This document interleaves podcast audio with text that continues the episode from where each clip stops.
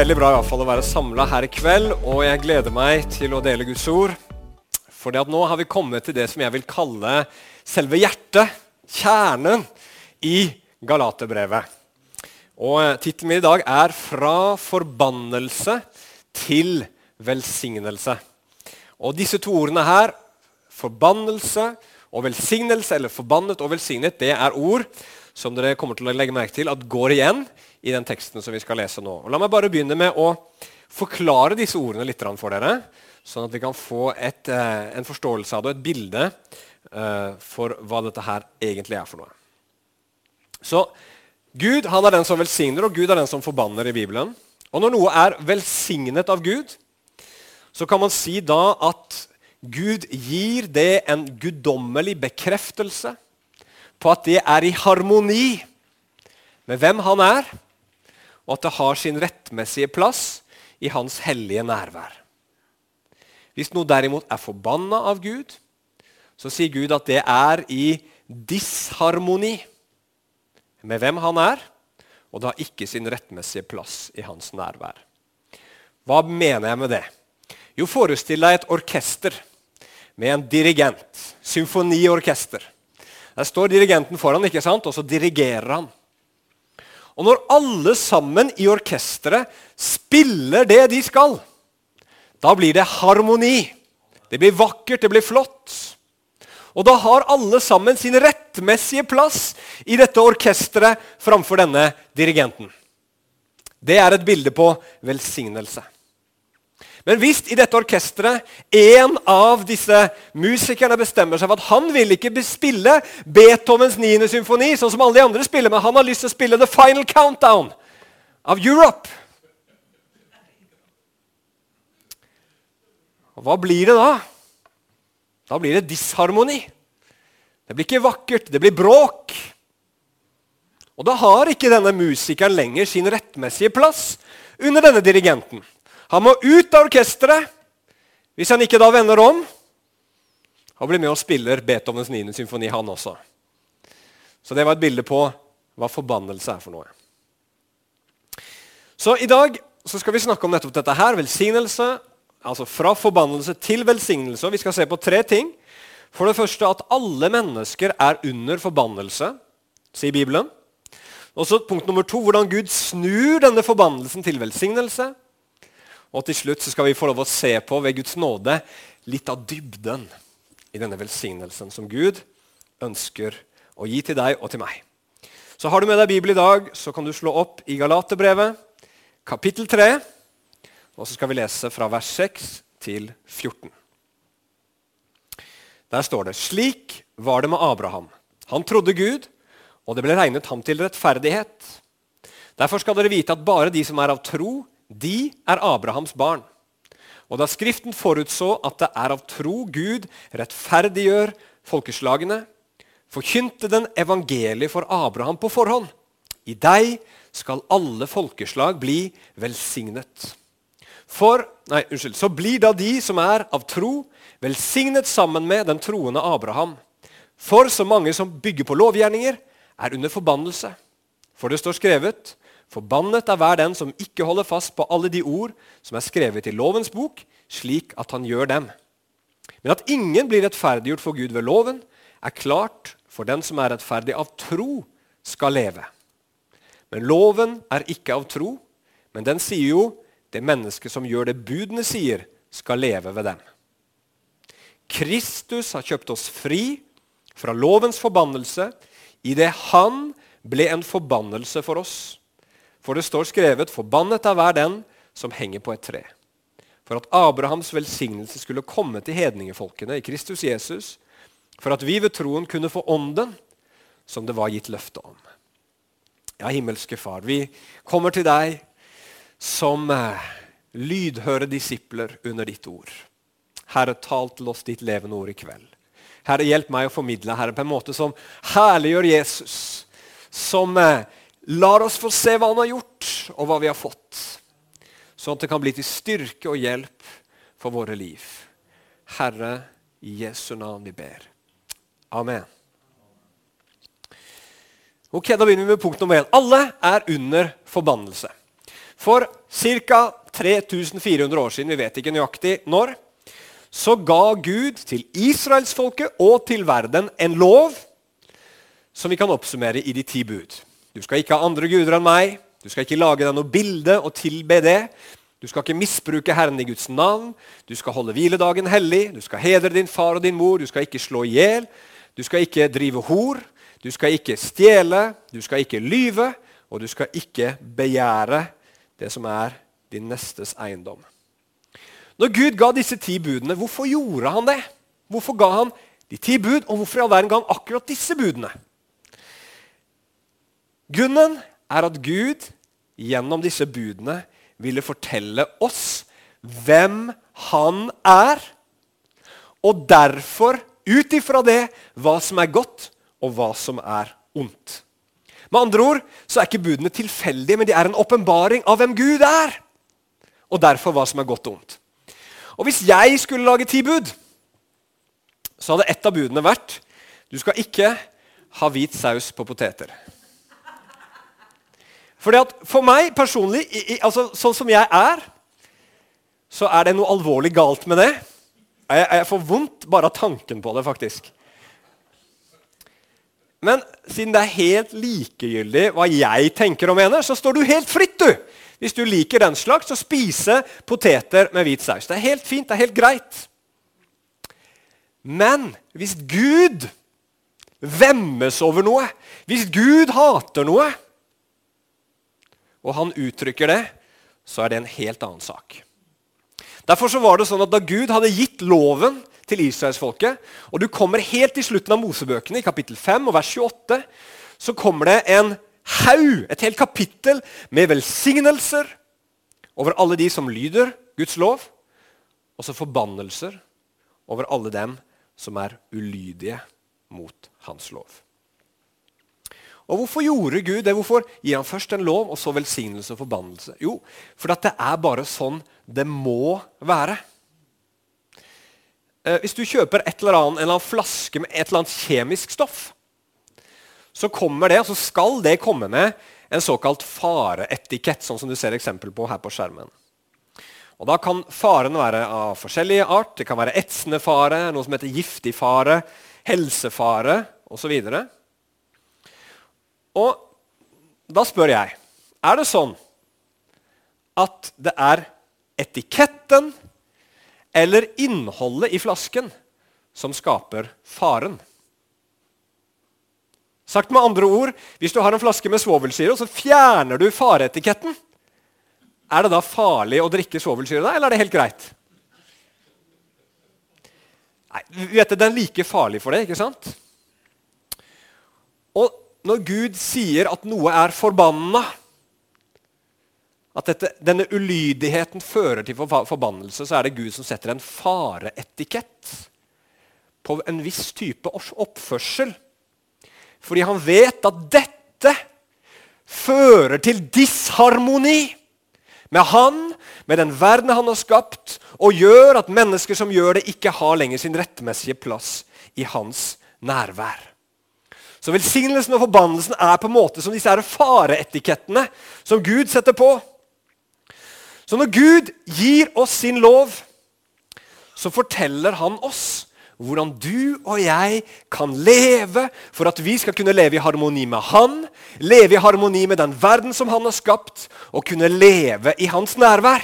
Det er den første hensikten med loven. Derfor så leser vi her i vers 12 hva som er lovens prinsipp. Der står det at det mennesket som gjør det budene sier, skal leve ved dem. Og Det er henta fra 3. Mosebok, kapittel 18 og vers 5. Så det han sier da, er at de som lever etter Guds lov, de er velsigna. Og så er det den andre siden av saken. Den finner du her i vers 10. Der står det 'forbannet er hver den som ikke holder fast på alle de ord som er skrevet i lovens bok, slik at han gjør dem. Og Det verset er henta fra 5. Mosebok 27, 26, som kommer rett før kapittel 28, som jeg nevnte i stad, med alle disse velsignelsene og forbannelsene. Og Hva betyr det for oss? Jo, det betyr at hvis du og jeg bryter Guds lov, så er du og jeg under forbannelse. Det vil ikke gå godt hvis vi bryter Guds bud. Det blir disharmoni. Evig disharmoni. Innvendig, utvendig i forhold til Gud. Og det blir en evighet borte fra Hans hellige nærvær. Og i og med at alle mennesker, oss som sitter her inkludert, bryter Guds lov, så vil det si at absolutt alle mennesker er under forbannelse. Under lovens forbannelse. Og Derfor sier Paulus her at alle de som bygger sitt liv på lovgjerninger, de er under forbannelse. Ikke fordi at loven er en forbannelse. Nei, loven er god, den er hellig, den er ren, den er fantastisk. Men vi syndere klarer ikke leve opp til den fullkomne hellige standarden som Guds lov viser oss. Og det forteller oss, hvis den er sann, at menneskeheten per i dag bør leve i dyp disharmoni i forhold til hverandre, i forhold til skapelsen, i forhold til Gud. Og Hvis vi ser på menneskets historie fra begynnelse til slutt, er det disharmoni eller er det harmoni? Er det Beethovens 9. symfoni, vakker og skjønn med flott rytme og flotte harmonier? Eller er det sånn der moderne samtidsmusikk? Hvis dere har vært borti det. Hvor rytme bare går i alle veier, og ingenting harmoni. Sånn bum, dang, bum, Hva beskriver menneskehetens historie best? Det er ikke Beethovens 9. symfoni. Helt riktig. Et eller annet sånn skrålende samtidsmusikk. Alle sammen er vi under forbannelse, og vi kan se det. Dette er en verden i dyp disharmoni. Og Så kommer punkt nummer to. Hvordan kan da Gud love velsignelse. Altså på bakgrunn av det her Hvordan er det mulig at Gud kommer til Abraham i 12. kapittel av første Mosebok, helt i begynnelsen av Bibelen, for nesten 4000 år siden? Og så sier han til Abraham, en synder som deg og meg, og som alle mennesker opp gjennom historien, at Gud skal velsigne han. Og ikke bare han, men etterslekten hans. Og gjennom hans ett i Abraham så skal alle mennesker på jorda, alle, alle menneskeetter på jorda, bli velsigna. Hvordan er det mulig? Når vi alle sammen pga. ulydighet mot Guds lov er under forbannelse. Og Det fins to svar på det her i teksten som er utrolig gode nyheter. Og Det første svaret det er at Jesus kjøpte oss fri fra forbannelsen og ga oss sin egen velsignelse. Eh, I Romerriket, ca. rundt år 165, så var det pest. Det skjedde også 100 år seinere for øvrig. Og Den pesten var så fæl at mellom en fjerdedel og en tredjedel av alle i Romerriket tror man døde. Og Romerne de var ikke dumme. De skjønte det at denne pesten den er smittsom. Så Hvis andre har den, og jeg er i nærheten av dem, så er det stor sjanse for at jeg får den også. Så det som skjedde i Romerriket, da, og spesielt i Roma, det var at hvis noen viste symptomer på å ha fått pesten, så heiv de de ut med en gang, så de selv ikke skulle bli smitta. Det fins ganske mange beskrivelser fra denne tiden fra historikere om hvordan det var. Det, det lå mennesker i, i haugevis i gatene i Roma, halvdøde eller døde. Fordi folk ville beskytte seg sjøl. Men det var én gruppe mennesker i eh, Roma på den tiden som gjorde noe annerledes. Det var de kristne. Når de oppdaga at et menneske hadde fått symptomer på denne pesten, så tok de dem til seg, og så pleide de dem og sørga for dem. Og veldig ofte når du blir alvorlig syk, så kan du gjøre en enorm forskjell bare du får det mest nødvendigste mat, vann og litt grunnleggende hygiene. Og Det gjorde at veldig mange som kristne tok seg og pleide, de overlevde. Det gjorde også at det ble flere kristne i Romerriket på den tiden. For de kristne pleide jo selvsagt sine egne, og de overlevde i mye større grad enn hedningene. Men da romerne så at det å pleie folk, det, det gjorde at de overlevde mer, hvorfor gjorde ikke de det? de òg, da? Jo, fordi at de selvsagt skjønte det at om jeg pleier dette mennesket her, så stiller jeg meg selv i en risikabel posisjon. For det kan godt hende at det mennesket der overlever, men det kan også bety at jeg da blir smitta og kommer til å dø. Men de kristne de brydde seg ikke om det. For De hadde for det første et håp om himmelen. De visste at om jeg dør, så går jeg til en bedre plass. Det hadde ikke disse hedenske romerne på noen som helst måte. Men i tillegg så visste disse kristne i Romerriket at jeg tjener en herre som gjorde akkurat det samme for meg. En som tok på seg det som jeg skulle hatt for at jeg skulle gå fri. For at jeg skulle bli lega, helbreda. Og i påsken for 2000 år siden så hang det da en etterkommer av nettopp Abraham, som Gud hadde lova velsignelse til, på et kors. Jesus Kristus og enhver jøde som så på Jesus på det tidspunktet der, hengende på et kors, for, for, den jøden så var det ingen tvil. Hvis han kjente Det gamle testamentet og han så Jesus der på korset, så var det bare én mulig konklusjon. Den mannen der er forbanna. Fordi at I den jødiske loven så sto det at om et menneske ble henretta fordi det hadde gjort noe galt, og det så blir hengt opp i et tre, så skal det ikke henge der til dagen etterpå. Fordi hver den som henger på et tre, er forbanna. Og Hvis han blir hengende der over natta, så gjør dere landet urent, sa Gud. Og det fortalte Gud for å peke fram, for å forberede folket på å se Jesus Kristus på korset. De skjønte at han var forbanna. Det ble mørkt, og han ropte ut, 'Min Gud, min Gud, hvorfor har du forlatt meg?' Det var bare så tydelig for alle jøder. Han som henger her, er forbanna av Gud. Og Derfor så tenkte de også sikkert han må ha gjort noe helt forferdelig.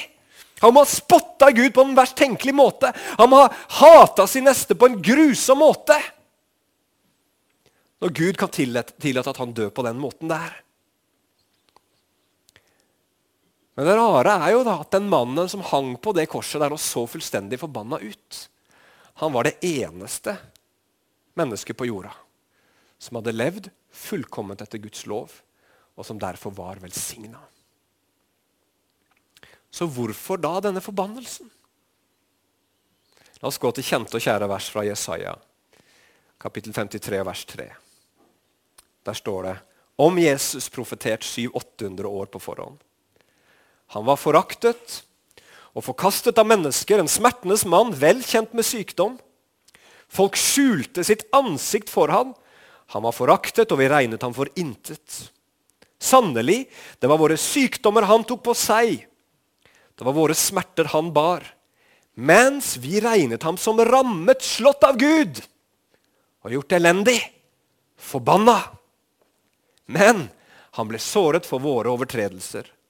Han ble knust for våre misgjerninger.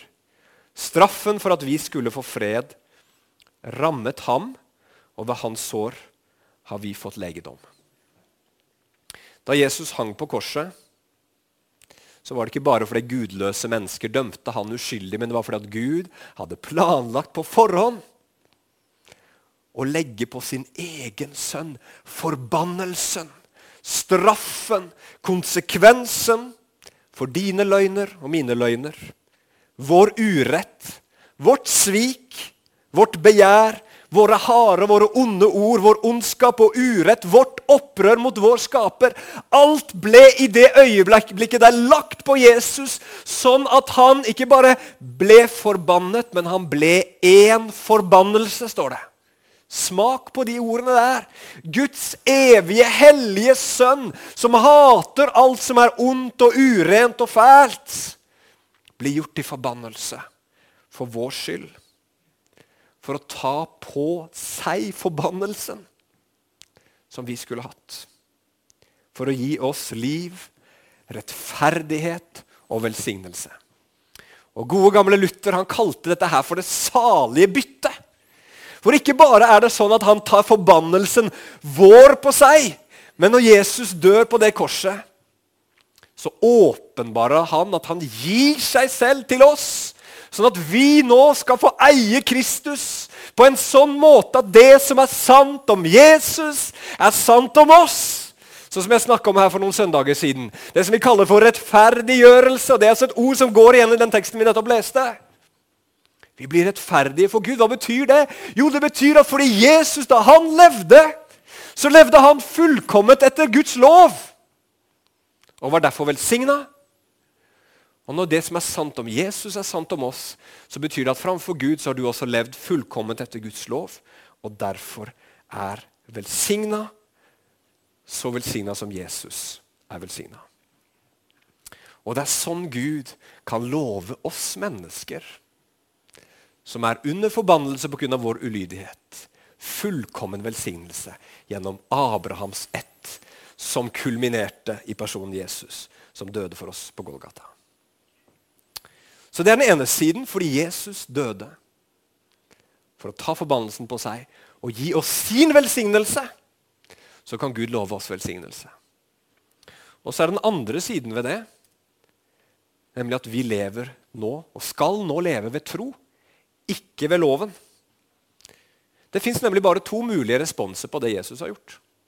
Altså Hvis noen kommer til deg, og du har en bunnløs gjeld. Du kan ikke betale den. Og så sier de 'jeg vil gjerne betale gjelden for deg, for jeg vil hjelpe deg'. Så kan du enten si 'nei, det vil jeg ikke, jeg vil klare det sjøl', eller vil ikke ha din hjelp. Eller et eller annet sånt. Eller du kan si ja, og du kan si takk. Og På samme måte er det med det her. Jesus har gjort det alt sammen fullbrakt og fullført på Golgata kors. Og så kan du enten si nei, jeg vil ikke ha det, jeg trenger det ikke. Eller du kan si ja, takk. Og vet du hva det er for noe? det er å leve i tro. Og si, 'Jesus, jeg tror at det du gjorde for meg på Golgata, det gjelder for meg.' Sånn at forbannelsen er tatt bort, og så jeg nå har blitt velsigna fordi jeg står like rettferdig framfor deg som Jesus. Og I Galatermenigheten så hadde man skjønt dette her til å begynne med. Men så hadde man nå plutselig begynt å bevege seg bort fra den troen på at det bare er ved tro. De ville også ha loven inn i bildet igjen. Men da sier Paulus nei, nei, nei, nei, dere må ikke gjøre det. For med en gang dere tar loven inn igjen, så tar dere forbannelsen inn igjen. For alle de som bygger på lovgjerninger, er under forbannelse. Og det, når vi tar loven inn igjen, kan skje på to måter. Det kan skje på en alvorlig måte, og det kan skje på en mindre og mer vanlig heldigvis måte. Den alvorlige måten det er å begynne, sånn som galaterne her tydeligvis gjør, da, å tro at ikke det Jesus gjorde på korset, var nok.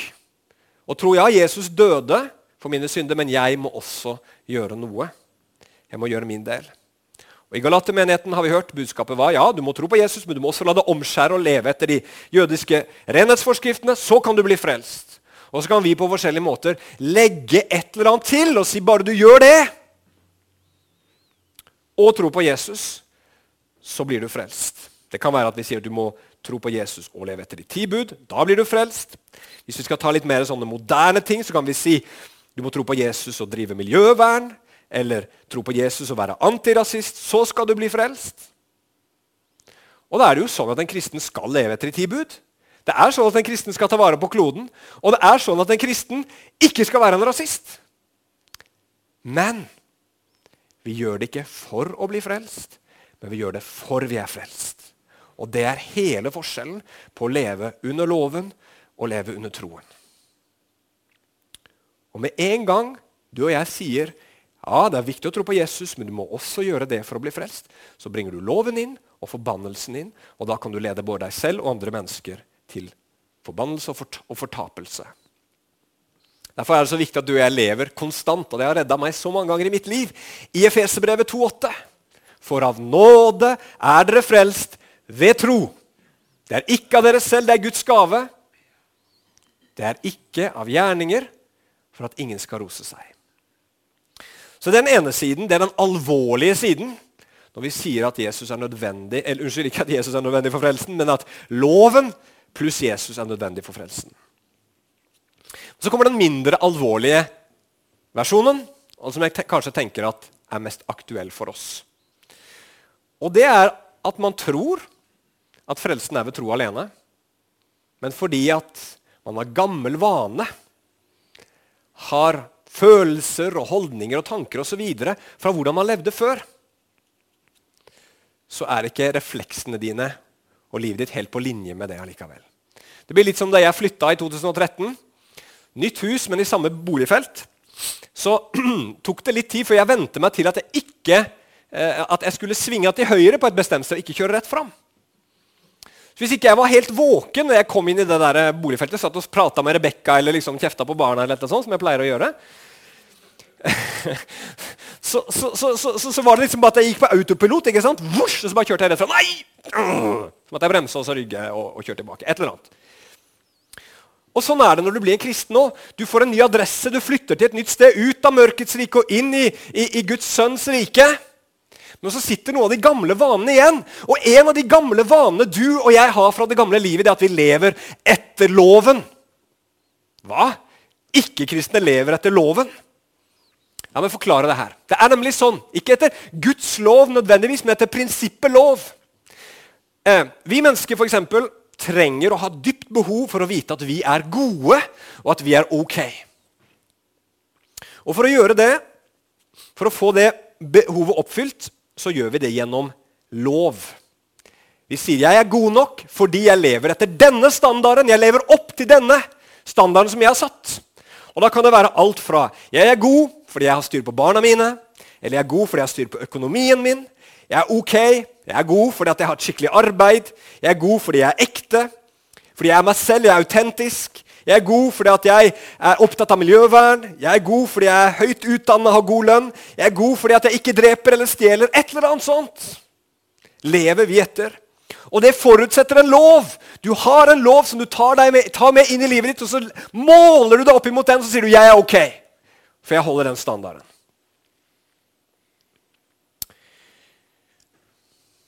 Og det kan kristne også gjøre. Ikke sant? Dette behovet vi har for å vite at vi er ok. Hvordan kan jeg vite det? Så tar jeg en loven. Jo, men jeg gjør sånn, jeg lever jo sånn, jeg er mye bedre enn han jeg er mye bedre enn henne. Og så kjenner vi at vi er ok. Men det fins en bakside med det. Det fører til masse sammenligning, konkurranse, en holdning av nedlatenhet overfor de som ikke vi føler får det så bra til som oss. Som igjen kan føre til baksnakking og mobbing, til og med. Hvor man trykker ned andre mennesker bevisst, eller ubevisst ofte, fordi man føler seg bra. Det legger også opp til dype personlige kriser.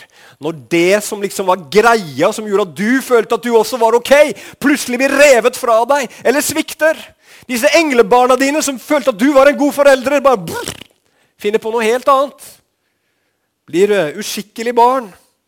Du får sparken på jobben som du henta all din verdi fra. Økonomien går i stå. Du blir anklaga for noe du absolutt ikke vil være. Du faller i en offentlig synd.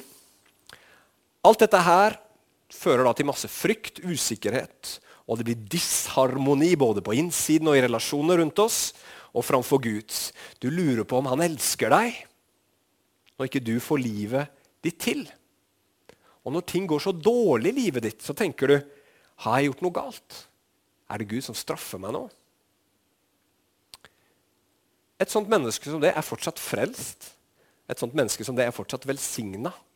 Men fordi vedkommende har dratt loven inn i livet sitt, så høster han eller hun fruktene av forbannelse. Man er ikke forbannet, men man erfarer frykt, usikkerhet, fordømmelse osv. osv. Som er arven til den som er under forbannelse. Er det noe som noen kanskje kan kjenne seg litt igjen i noen ganger? Ja. Hvordan kommer vi ut av det her? Jo, vi kommer ut av det ved å leve i tro på det Jesus har gjort og gitt oss, og stadig bare prente det inn i våre hjerter. I 1517 så hamra Martin Luther Nå kommer han her igjen opp 95 teser på kirkedøra i Wittenberg. Det er sånne datoer vi kristne protestanter bør kjenne til. Og hva var den første? Husker dere det? Nei da. Jeg husker den ikke helt, jeg heller. Men første, en av de første tingene han sier, er at alt livet er stadig, eller hele livet er stadig omvendelse, sier han. Hvordan kan du som kristen og jeg som kristen leve i stadig omvendelse? Er det mulig hvis vi lever ut ifra loven? Nei. For hvis du lever ut ifra loven, så er du avhengig av at du kommer godt ut i forhold til den loven. Og da er det siste du vil gjøre, å begynne å grave litt i livet ditt. Og se om det er noe som ikke er sånn som det skal være.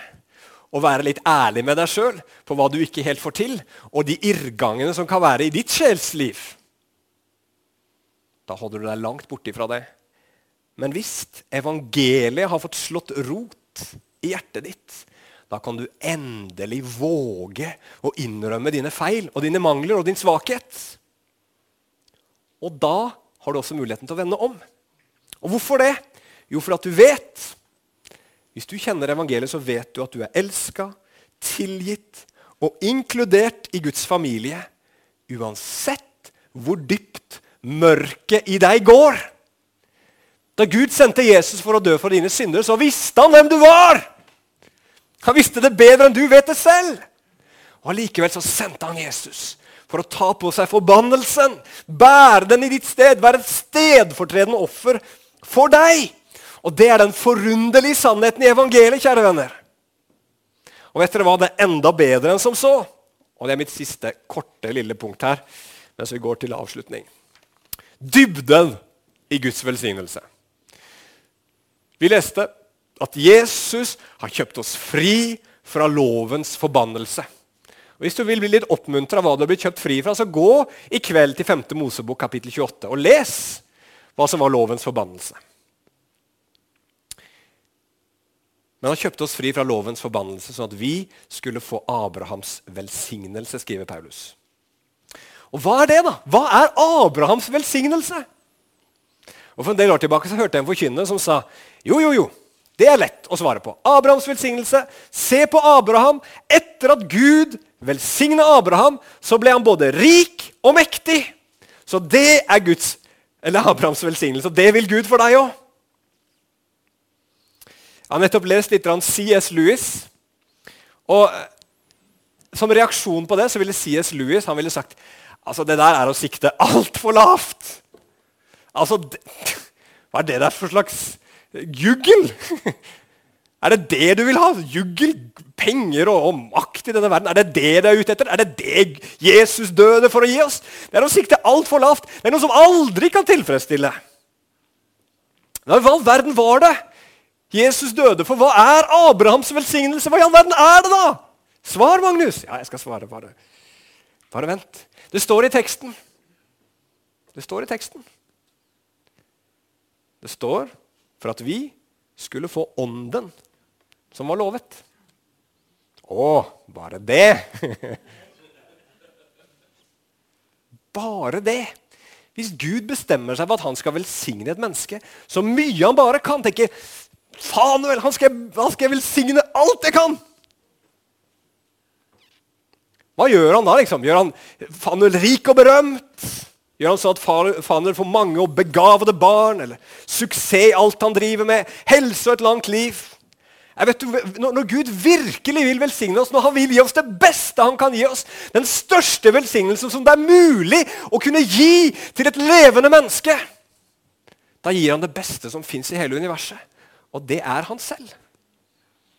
Når du har fått ånden på innsiden, så betyr det at Gud selv har kommet og flytta inn i deg. Og det forteller oss to vidunderlige ting. For det første så forteller det deg at du er fullstendig elska og fullstendig akseptert. Du er så ren og du er så fullkommen i Jesu blod at den hellige Gud selv ønsker å komme og bo i deg.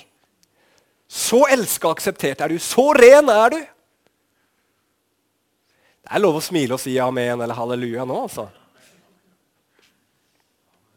Det er den ene siden av saken.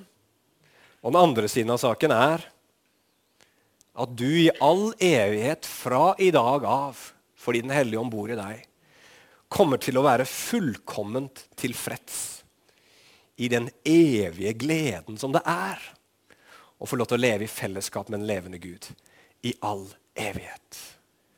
Det er velsignelse. Det er det du og jeg trenger, mer enn noe annet. Og det er det du og jeg får gjennom Jesus Kristus og det han gjorde på korset. Amen. La oss be til slutt.